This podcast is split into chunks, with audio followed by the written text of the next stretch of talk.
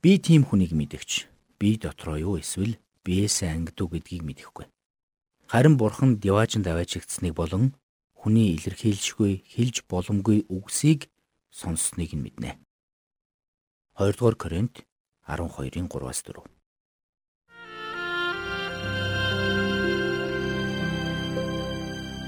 Мэргэний сонсог, мэдлэгийн тэлэг. Ухаалх нь мэрэгэн өдөртөмжийг мөн авах. Доктор Харалт цаалогийн мэрэгэн зөвлөмж нэвтрүүлэг.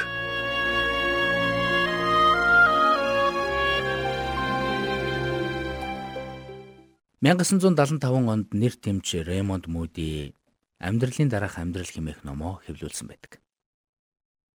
Уг номдоо тэрээр үхээд амилсан буюу үхлийн ирмгээс иргэн ирсэн 150 гаруй өвчтний түүхийг довчлон бичсэн байна. Мөди тэдгэр хүмүүсийг үхлийн ирмэгт тулаад бутсан хүмүүс хэмээн тодорхойлж тэрхүү үйл явдал нь эдгээр хүмүүсийн амьдралд хэрхэн онцгойгоор нөлөөлсөн болохыг тайлбарлан бичжээ. Зарим тохиолдолд үхэлтэй нүүр тулсан хүмүүсийн өнгөрсөн үе нүдэнд нь зурсхийн харагддаг байна. Харин зарим хүмүүс холгүйхэн зогсож байгаа Есүсийг харсан тухайгаа хэлсэн байна. Харин зарим нь урт харанхуй хонглын цаанаас гэрэлтэх хурц тод гэрлийг харсан тухайгаа ярьжээ. Тэд гин гэрлийг бурхан байсан гэдэгт итгэлтэй байсан гэдэг. Гэхдээ тэд энэ онцгой үед юу ч үзэж мэдэрсэн байлаа гэсэн дараа нь тэдний амьдрал эрс өөрчлөгддөг байна. Ийм хүмүүс илүү өгөөмөр, илүү сайхан сэтгэлтэй болдог хэмээн Ремонд Муди бичсэн байна.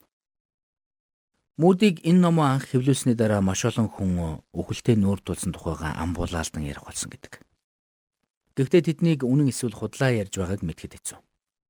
Ямар ч тач энэ тухайга хамгийн чангаар тунхаглаж байгаа хүн худлаа ярьж байх магадлал өндөр байдаг бол өөр тохиолдсон зүйлийг бусдад ярихаас цааргалж байгаа нэгэн үнэн ярьж байх магадлал хамгийн өндөр юм.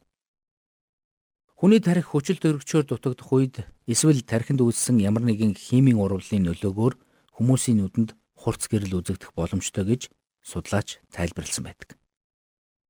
Гэхдээ үнэхээр үхлийн ирмэг дээр очиод ирсэн хүмүүс өөрийнх нь үдээр үдсэн бүхнийг хүчил төрөгчийн дутагдлын үүднээс харагдсан хий зүйл гэж хизээч хүлээн зөвшөөрдөг.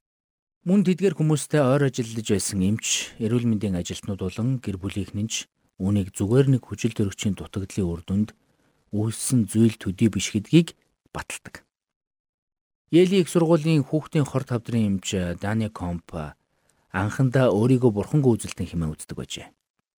Гэвч тэрээр хавдар болын сүрээгээр өвчилж эмчилгээгүй болсон хүүхдүүдтэй ажиллаж эхэлснээр түүний үзэл бодол оронгороо өөрчлөгдсөн байна. Үглийн ирмэгт тулаад очисон хүүхдүүд Есүстэй уулзсан тухайга болон Тэнгэр элч нарын дуулалхыг сонссон тухайга ярихыг нь сонсоод Дианагийн нүд нээгдэгш болжээ. Тэрээр энэ тухайга дурсан ярихдаа тэр бүх түүхүүд сүнслэг асуудлыг харах үйл явдал миний харааг өөрчилсөн тэр хүүхдүүдэд тохиолдсон бүхэн үнэн байсан гэдэгт би бүрэн итгэлтэй байна гэсэн байдаг.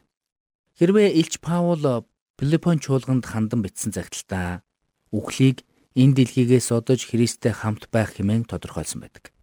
Паул өөрөө хизээ нэгэн цагт үхлийн ирмэг дээр очиж байсан юм болов магадгүй Паул хид хідэн удаа өглөөт болтлоо зодуулж нүдүүлж байсан. Коринтын чуулганд хандсан бичсэн хоёр дахь загталтаа Паул би тийм хүнийг мэдгч би дотроо юу эсвэл биесээ ангидуу гэдгийг нь мэдэхгүй. Харин бурхан диваажинд аваачрагдсныг нь болон хүний илэрхийлшгүй хэлж боломгүй үгсийг сонссныг нь мэднэ гэж айлцсан байдаг.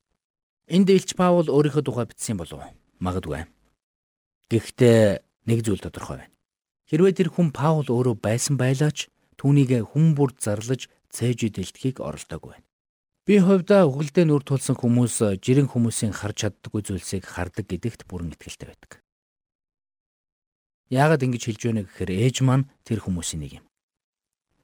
Ээж маань өөд болохосоо 3 хоногийн өмнө Есүс холгүйхэн зогсоод арай болоогүй ан Руби гэж хэлхийг нь харсан тухайга надад ярьж байсан юм. Харин 3 хоногийн дараа ээж маань нэг зүйлийг маш ихтгэлтэйгээр ширтэж байгааг би хараад харамсалтай нь би тэр асуултынхаа хариуг авч чадаагүй.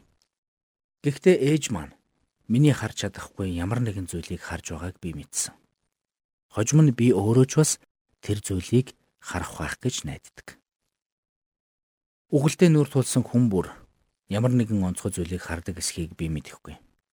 Гэхдээ үхлийн ирмэгт хурч ирээд тэр онцгой зүйлийг хараад эргэж ирсэн хүмүүсийн хувьд амьдрал нь үрд өөрчлөгддөг гэдгийг л би мэднэ.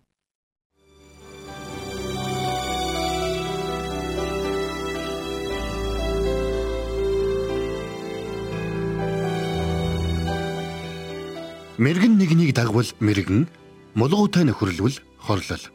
Доктор Харалт Салигийн мэрэгэн зөвлөмж нэвтрүүлгийг танд хүргэлээ.